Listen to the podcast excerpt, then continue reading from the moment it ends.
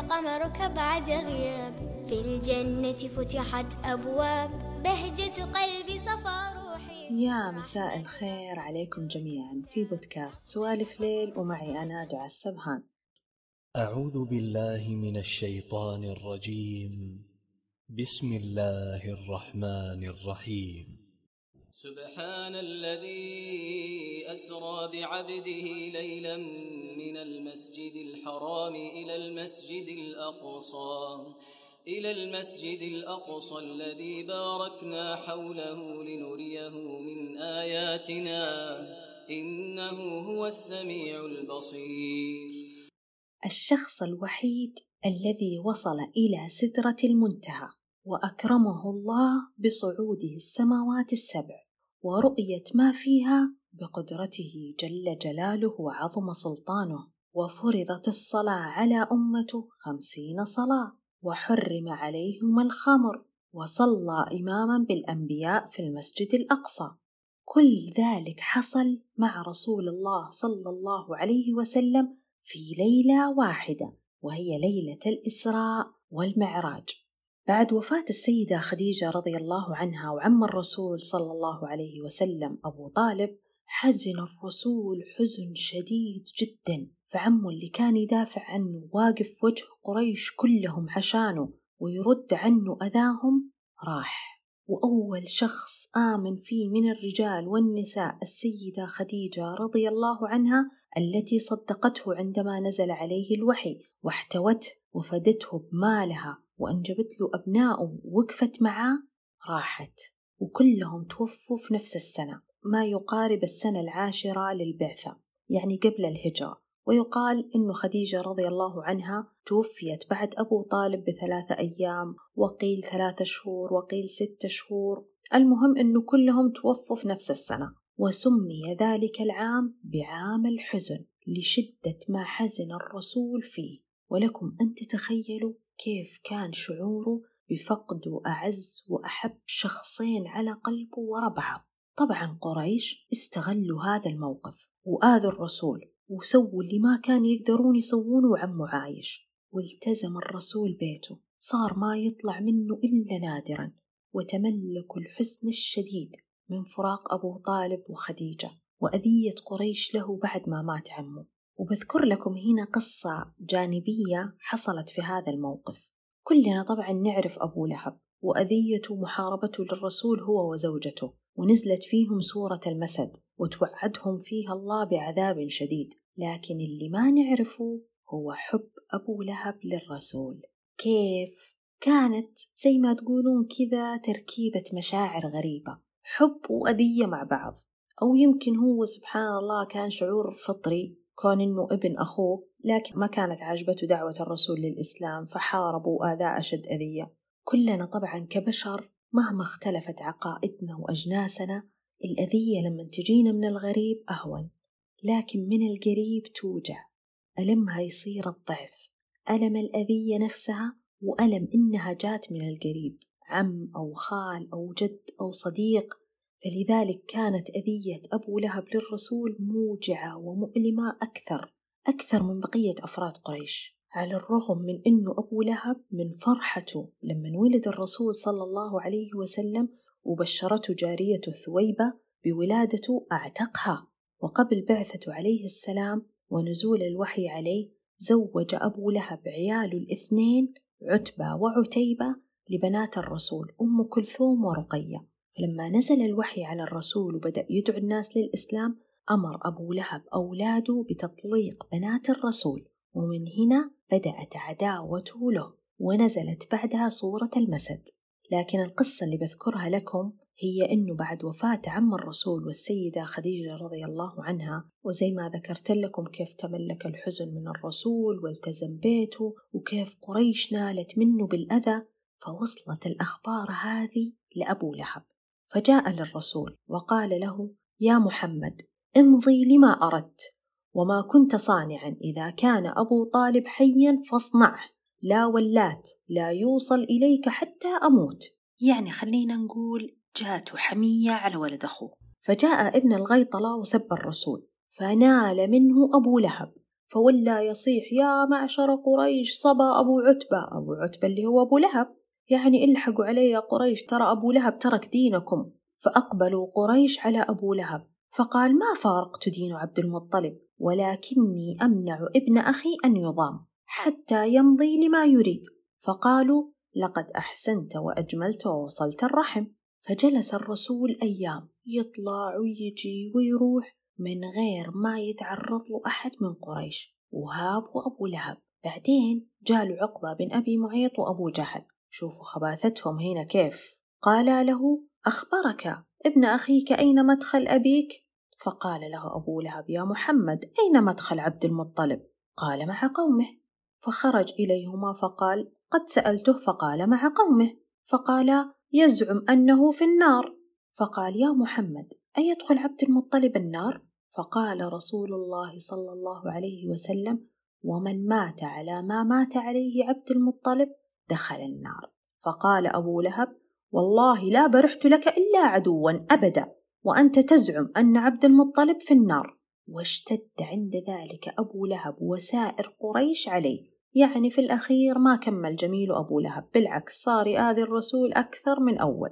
اشتد الحزن على الرسول فذهب إلى الطائف وحيدا يدعوهم إلى الإسلام على أمل أنه يلاقي فيهم من يناصره ويؤازره في دعوته. لكنهم للأسف طردوه وآذوه وسلطوا عليه صبيانهم وغلمانهم ليرموه بالحجارة حتى أدموا قدميه الشريفتين. فدعا عليهم الرسول من شدة حزنه فأرسل الله له جبريل ومعه ملك الجبال فقال له جبريل لو شئت نطبق عليهما الجبال فيقول النبي محمد صلى الله عليه وسلم لا لعل الله يخرج من أصلابهم من يوحد الله؟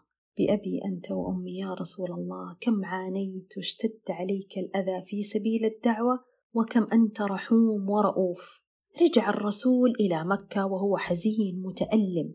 وهنا وهب الله مكرمة وقدرة ليؤانس وحشته وألمه مما قاساه ويسليه. وليعلمه الله عز وجل أنه إذا كان قد أعرض عنك أهل الأرض فقد أقبل عليك أهل السماء وإذا كان هؤلاء الناس قد صدوك فإن الله يرحب بك وإن الأنبياء يقتدون بك ويتخذونك إماما لهم. وهذه الحادثة حصلت قبل هجرة صلى الله عليه وسلم إلى المدينة. قيل ب 18 شهر وقيل سنة وقيل أقل. المهم إنها صارت قبل الهجرة فأرسل له الله جبريل وهو نائم. واختلفت الأقوال هنا برضو بين إنه الرسول كان نائم في الحجر في المسجد الحرام وبين إنه كان نائم في بيت أم هانئ بنت أبي طالب وأخت علي رضي الله عنه. وانشق سقف الغرفة وإذا بثلاث ملائكة يقبلون عليه. ومن بينهم جبريل. حملوه إلى المسجد الحرام. فشق جبريل صدره وغسل قلبه بماء زمزم. ثم أتى بآنية من ذهب مليئة بالحكمة والإيمان فصبها في صدره تهيئة له لما سيراه من أمور عظيمة ثم أتى له بدابة بيضاء تسمى البراق وهي بين البغل والحمار أكرمكم الله ولها جناحان وتضع حافرها عند منتهى البصر. يعني شوفوا أنتم بصركم فين ينتهي؟ منتهى البصر هي تضع حافرها هناك عند منتهى البصر. فلما دنا منه الرسول استصعب ومنع ظهره أن يركب. فقال له جبريل اسكن فما ركبك أحد أكرم على الله من محمد. المعروف طبعا أن البراق هو دابة الأنبياء. وفي قول جبريل هنا يوضح لنا أن البراق دابة قد ركبها أحد قبل الرسول. وذكر في كتاب فتح الباري لابن حجر العسقلاني أن البراق أيضا كانت مركب للنبي إبراهيم عليه السلام. عندما كان يزور زوجته هاجر وابنه إسماعيل في مكة وهو كان يعيش مع زوجته سارة في فلسطين. فركب الرسول البراق ومعه جبريل لا يفارقه. وهنا بدأت رحلة الإسراء إلى المسجد الأقصى ويقال أنه خلال هذه الرحلة كانت هناك وقفات كما جاء في سنن الترمذي. الأولى كانت في المدينة المنورة. نزل فيها الرسول صلى الله عليه وسلم وصلى فيها وكأن الله يبشره فيها وبأهلها اللي بينصرونه ويصدقونه. والثانية كانت في طور سيناء مكان ما كلم الله سبحانه وتعالى موسى عليه السلام. نزل فيها الرسول وصلى. والثالثة عند بيت لحم مكان مولد النبي عيسى عليه السلام وحيث أوذي هو وأمه. ونزل فيها الرسول صلى وأخيرا وصل صلى الله عليه وسلم إلى المسجد الأقصى. وعلى فكرة ترى الرسول ما قد زار الأقصى ولا شافه قبل هذيك الليلة. فلما وصلوا ربط الرسول البراق في حلقة عند حائط المسجد الأقصى وهو حائط البراق اللي ذكرناه في حلقة الأديان اللي مركزين معايا ومتابعين الحلقات. مو ذكرنا في حلقة الأديان وقلنا إنه اليهود يسمونه حائط المبكى وإحنا المسلمين نسميه حائط البراق. نسبة إلى قصة الإسراء والمعراج. أي هذا هو حائط البراق. فدخل صلى الله عليه وسلم المسجد الأقصى وإذا بمنادي يؤذن واجتمع مجموعة من الناس فقدم جبريل الرسول للمحراب ليأمهم ويصلي فيهم فصلى فيهم الرسول. وبعد ما انتهى سألوا جبريل أتعرف بمن صليت؟ فقال لا. فقال له قد صليت بجميع الأنبياء والرسل الذين بعثوا من قبلك. تخيلوا أن الرسول صلى كل الأنبياء والرسل ومعاهم جبريل. وترى مو كل الأنبياء انذكروا في القرآن في بعضهم ترى ما انذكروا فتخيلوا العدد المهول للأنبياء والرسل معاهم جبريل كلهم صلى فيهم الرسول صلى الله عليه وسلم. بعدها قدم له جبريل آنيتين واحدة فيها لبن والثانية خمر واختار الرسول اللبن وشرب منه. فقال له جبريل هديت إلى الفطرة وهديت أمتك إليها ولو أنك شربت الخمر لغويت أمتك. ومن هنا حرم علينا يا أمة محمد شرب الخمر. وقبلها ترى الخمر ما كان محرم والرسول عليه الصلاة والسلام لم يشرب الخمر أبدا لا قبل البعثة ولا بعدها. بكذا انتهت رحلة الإسراء وتبدأ رحلة المعراج إلى السماء واختلفت الأقوال هنا كمان. في صفة العروج إلى السماء. قيل صعد إلى السماء بالبراق وقيل حمله جبريل. أول سماء صعد إليها الرسول هي السماء الدنيا السماء الأولى. فطرق جبريل الباب. فرد عليه ملك من الملائكة من؟ قال جبريل. قال ومن معك؟ قال محمد. فرد عليه خازنها أبعث؟ قال نعم. فقال له أذن لي أن أفتح.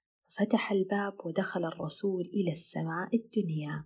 فشاف فيها رجل على يمينه ظل سوداء وعلى يساره ظل سوداء وإذا التفت على يمينه ضحك وإذا التفت على يساره بكى. فسأل الرسول جبريل من هذا يا جبريل؟ قال هذا أبوك آدم. ويصف الرسول أبونا آدم فيقول طوله ستين ذراعا. فسأل الرسول جبريل لماذا إذا التفت يمينه ضحك وإذا التفت شماله بكى؟ فقال له جبريل يرى على يمينه أبناؤه الذين آمنوا ودخلوا الجنة فيضحك ويلتفت يساره فيرى الذين عصوا الله ودخلوا النار فيبكي. من ذريته كلهم متخيلين كل ذرية آدم؟ من وقت ما انخلق آدم إلين يومنا الحاضر كلهم يمرون عليه اللي يدخل الجنة واللي يدخل النار. فلما شافوا أبونا آدم سلم عليه وقال مرحبا بالنبي الصالح. والابن الصالح. فصعد الرسول للسماء الثانية وحصل معاه عند بابها ما حصل عند باب السماء الأولى وأذن له فدخل. ورأى النبي عيسى والنبي يحيى عليهم السلام أبناء الخالة. ويصف الرسول النبي عيسى فيقول لونه أحمر يعني خدوده حمراء من جماله وليس بالطويل ولا بالقصير وكثير الخيلان يعني عنده حبة خال في أكثر من مكان. وشعره كأنه مبلل بماء وما هو بماء. هذا من جماله عليه السلام. فلما شافوا الرسول سلموا عليه وقالوا مرحبا بالنبي الصالح والأخ الصالح. وصعد بعدها الرسول للسماء الثالثة. وحصل عند بابها ما قد حصل في اللي قبلها. وأذن له فدخل. فرأى سيدنا يوسف عليه السلام. ويوصف الرسول فيقول رأيت رجلا أوتي نصف جمال بني آدم. فلما رآه سلم عليه يوسف وقال مرحبا بالنبي الصالح والأخ الصالح. وكمل صعود الرسول للسماء الرابعة. ورأى فيها سيدنا إدريس عليه السلام. ورحب فيه مرحبا بالنبي الصالح والأخ الصالح. وبعدين السماء الخامسة. فيقول الرسول رأيت كهل أبيض الرأس واللحية.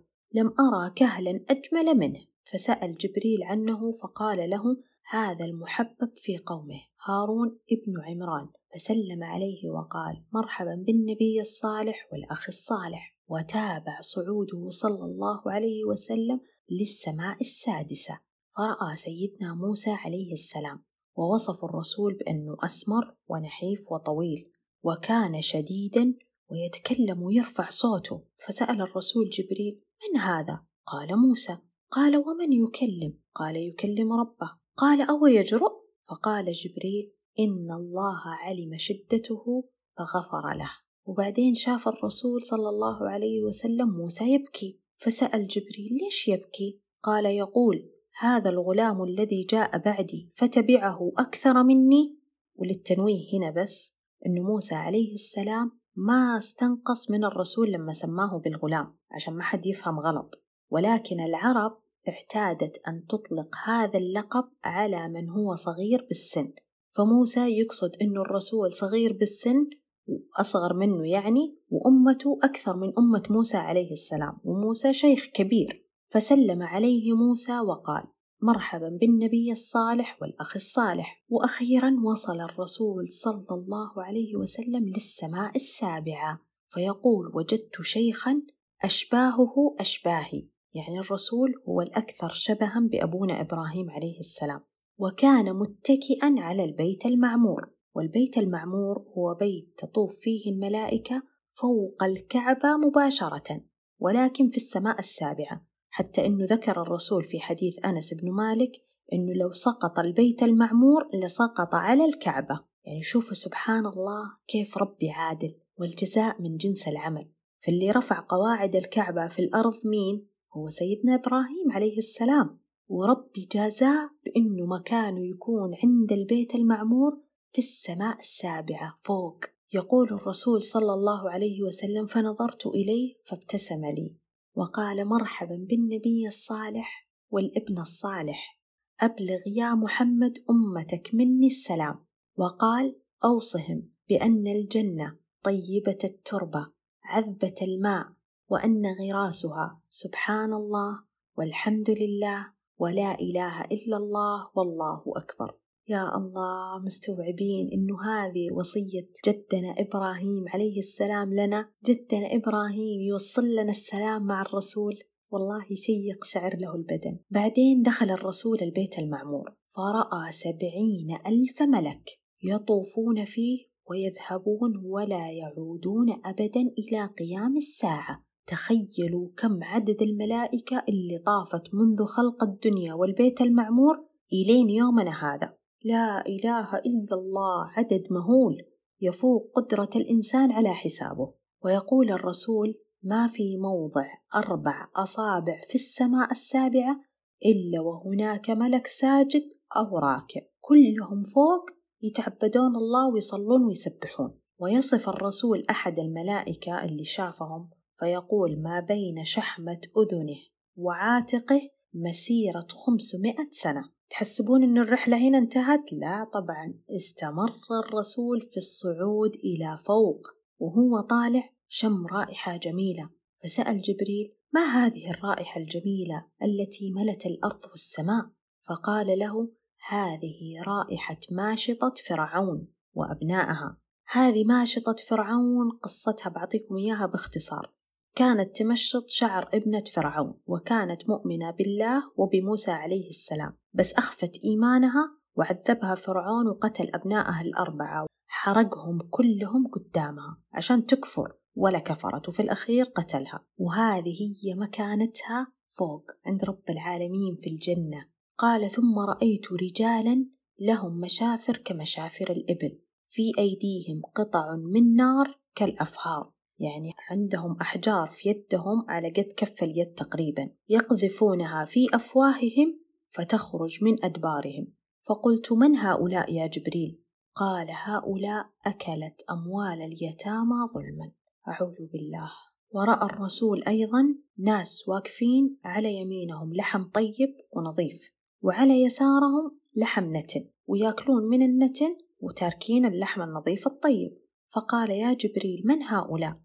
قال هؤلاء الزنات يأكلون اللحم النتن ويتركون اللحم الحلال. ثم رأى نساء معلقات بثديهن. فقلت من هؤلاء يا جبريل؟ قال هؤلاء اللاتي أدخلن على رجالهن من ليس من أولادهم. والعياذ بالله اللي تزني وتحمل وتنسب الولد لزوجها. وبعدين شاف ناس من أهل النار لهم أظفار من نحاس يخمشون وجوههم وصدورهم. وسأل جبريل من هؤلاء؟ قال له هؤلاء الذين يأكلون لحوم الناس ويقعون في أعراضهم. الله يحرم علينا وعليكم يا رب العالمين النار. واصل صعوده صلى الله عليه وسلم إلين وصل لمكان وقف فيه جبريل. فسأله الرسول ليش وقفت يا جبريل؟ قال له هذا مكان لم يأذن لي بالدخول إليه. إن اقتربت احترقت. وأنت إن اقتربت اخترقت. وفي هذا الموضع الرسول شاف جبريل على هيئته الحقيقية. يقول له ستمائة جناح. ولو فرد واحد من أجنحته واحد بس. لغطى الأفق ما بين السماء والأرض. ويصف الرسول جبريل في هذا الموقف فيقول وإذا هو كالحصير البالي. يعني زي الثوب المرمي على الأرض. شفتوا الثوب كيف لما ينرمي على الأرض؟ جبريل صار زي الحصير البالي المرمي على الأرض. خشوع وخوف من الله. كمل صعود الرسول لهذا المكان. وإذا به يرى شجرة كبيرة أوراقها كآذان الفيل وثمارها كالأباريق. وهذه هي سدرة المنتهى. آخر مكان يوصل له أحد من خلق الله أجمعين. فكان قاب قوسين أو أدنى من العرش. عرش الرحمن لدرجة إنه سمع صريف الأقلام. تخيلوا الأقلام التي تكتب الأقدار في اللوح المحفوظ. مستوعبين مدى قرب الرسول صلى الله عليه وسلم من العرش؟ وسجد رسول الله وهنا كلمه الله وفرض عليه وعلى أمته خمسين صلاة. العبادة الوحيدة اللي انفرضت علينا يا أمة محمد في السماء هي الصلاة. فنزل الرسول للسماء السادسة وقابل موسى عليه السلام وسأله موسى ماذا فرض عليك ربك؟ فقال له الرسول فرض علي خمسين صلاة. فقال له موسى إني جربت بني إسرائيل ولم يفلحوا فإن قومك لا يقدرون عليها. ارجع إلى ربك واسأله التخفيف. ورجع الرسول إلى الله يسأله التخفيف فخلاها أربعين ثم عاد إلى موسى وقال له ارجع إلى ربك واسأله التخفيف. ورجع الرسول إلى الله يسأله التخفيف وخلاها الله سبحانه وتعالى ثلاثين. ولا زال الرسول ينزل إلى موسى ويقول له ارجع إلى ربك واسأله التخفيف. والرسول يصعد إلى الله ويطلبه التخفيف إلين وصلت إلى خمسة صلوات في الآداء وخمسين في الأجر. فنزل الرسول إلى موسى وقال له ارجع إلى ربك واسأله التخفيف. فقال الرسول صلى الله عليه وسلم إني استحييت من ربي. ودخل الرسول بعدها الجنة وأول ما رأى فيها قصر كبير وعنده حسناء من الحور العين. وكان هذا قصر عمر بن الخطاب. وهذه زوجته من الحور العين. ثم مر بعد ذلك على نهر الكوثر فيقول الرسول حافتاه من ذهب. يوصف نهر الكوثر وهذا النهر الله سبحانه وتعالى عطاه للرسول إنا أعطيناك الكوثر. ورأى قصور المؤمنين لبنة من فضة ولبنة من ذهب وملاطها المسك. الملاط اللي هو زي زي الإسمنت يوضع بين اللبنتين عشان يمسكها. الملاط هذا من المسك وحصباؤها اللؤلؤ وسقفها عرش الرحمن. تخيلوا كيف جمال الجنة. الله يكتبنا وإياكم أجمعين من أهل الجنة والفردوس الأعلى يا رب العالمين. وانتهت رحلة المعراج ونزل الرسول إلى المسجد الأقصى وصعد على البراق ومعه جبريل. راجعين لمكة خلاص انتهت الرحلة. فمروا على قافلة عندهم بعير. لما البعير هذا شاف البراق فز منه وخاف وهرب فدلهم الرسول على مكانه. ووجدوه ولقي عندهم إناء ماء مغطى فأمروا جبريل إنه يشرب منه. فشرب منه الرسول ورجع غطاه مرة ثانية. ووصل الرسول إلى مكة فيقول فعدت في ليلتي ووالله إن وسادتي وفراشي كان دافئا كما تركته. تخيلوا معايا هذا كله اللي صار للرسول فكم صار له هذا كله؟ راح هذه الرحلة كلها الإسراء والمعراج ورجع وفراشه لسه دافي فنام الرسول صلى الله عليه وسلم وقام مهموما. محتار ويفكر كيف بيقول للناس اللي صار معه. عارف إنه ما حد بيصدقه وبيستهزئون في قومه. فمر عليه أبو جهل فسأله ليش مهموم كذا؟ فقال له الرسول إنه البارح راح للمسجد الأقصى. فقام أبو جهل وجمع الناس على الرسول وقال لهم اسمعوا هذا الكذاب. ماذا يقول؟ تركبون على أكباد الإبل شهرا ويموت من يموت حتى تصلون إلى فلسطين. وهو يقول أنه ذهب لها البارحة. صلى وعاد؟ فقال الرسول ذهبت لها البارحة وعرج بي إلى سماء ربي. طبعا في بعض المسلمين ارتدوا لما سمعوا قصة الإسراء والمعراج ما صدقوا فشافوا رجل وراح يركض إلى أبو بكر الصديق وحكى له اللي صار وقال له الحق على صاحبك فإنه يكذب ويقول أنه ذهب إلى المسجد الأقصى وعرج به إلى السماء فقال أبو بكر أفقال ذلك؟ فقد صدق. ومن ذلك الوقت سماه الرسول صلى الله عليه وسلم الصديق أبو بكر الصديق. طبعا قريش جلسوا يستهزئون ويضحكون على الرسول مو مصدقينه وطلبوا أنه يوصف لهم المسجد الأقصى وهم عارفين أنه هو ما قد راح ولا قد شافه. فسبحان الله ربي صور قدامه المسجد الأقصى وبدأ يوصف لهم وأبو بكر يردد وراه صدقت صدقت. لأنه طبعا أبو بكر راح المسجد الأقصى وشافه وبرضه فوق هذا كله كذبوه وقالوا له أعطينا أمارة طيب. فقال لهم الرسول مررت على قوم معاهم بعير وحصل معاهم كذا وكذا ووصف بعيرهم وإني شربت من إناءهم وإنهم راح يصلون إليكم بعد ثلاثة أيام. وفعلا بعد ثلاثة أيام وصلت القافلة ويتقدمها البعير اللي وصفه الرسول. ووقفهم أبو جهل وسألهم عن اللي قالوا له الرسول. هل فعلا بعيركم ضاعت ودلكم عليها رجل؟ قالوا نعم. وهل رجعتم ووجدتم إناءكم ليس به ماء؟ قالوا نعم. وبرضو كذبوا وما صدقوا رغم كل الدلائل هذه. يعني أحس الموضوع عندهم قلب عناد. ما صار إن هم ما متمسكين بدينهم ودين أجدادهم لا صار الموضوع عناد. تكلمنا اليوم عن عام الحزن اللي توفت فيه السيدة خديجة رضي الله عنها وعم الرسول أبو طالب وكيف الرسول حزن حزن شديد بعدهم وكيف قريش استغلت الفرصة وصارت تآذيه. وذكرنا كيف وقف معاه عمه أبو لهب بعدين رجع وانقلب ضده وبعدها كيف راح الرسول للطائف يدعوهم لكنهم للأسف طردوه وكذبوه ورجع إلى مكة مهموم وزعلان وربي أكرم وسلاه من حزنه. إذ أرسل له جبريل ليحمله على البراق من المسجد الحرام إلى المسجد الأقصى وهناك شاف الأنبياء والرسل صلى فيهم ثم عرج به إلى السماوات السبع وشاف فيها الأنبياء وشاف النار وبعض الذين يعذبون فيها وشاف الجنة ونعيمها ووصل إلى سدرة المنتهى وعرش الرحمن وفرضت عليه الصلوات الخمس في السماء ثم عاد إلى مكة وكيف كذبته قريش رغم كل الدلائل اللي قدمها لهم. اللهم صل على محمد وعلى آل محمد كما صليت على إبراهيم وعلى آل إبراهيم إنك حميد مجيد. وبارك على محمد وعلى آل محمد كما باركت على إبراهيم وعلى آل إبراهيم إنك حميد مجيد. وأدرك شهر زاد الصباح فسكتت عن الكلام المباح. أشوفكم الأسبوع القادم في حلقة جديدة وتصبحوا على ألف خير. رحمة ربي بدون حساب.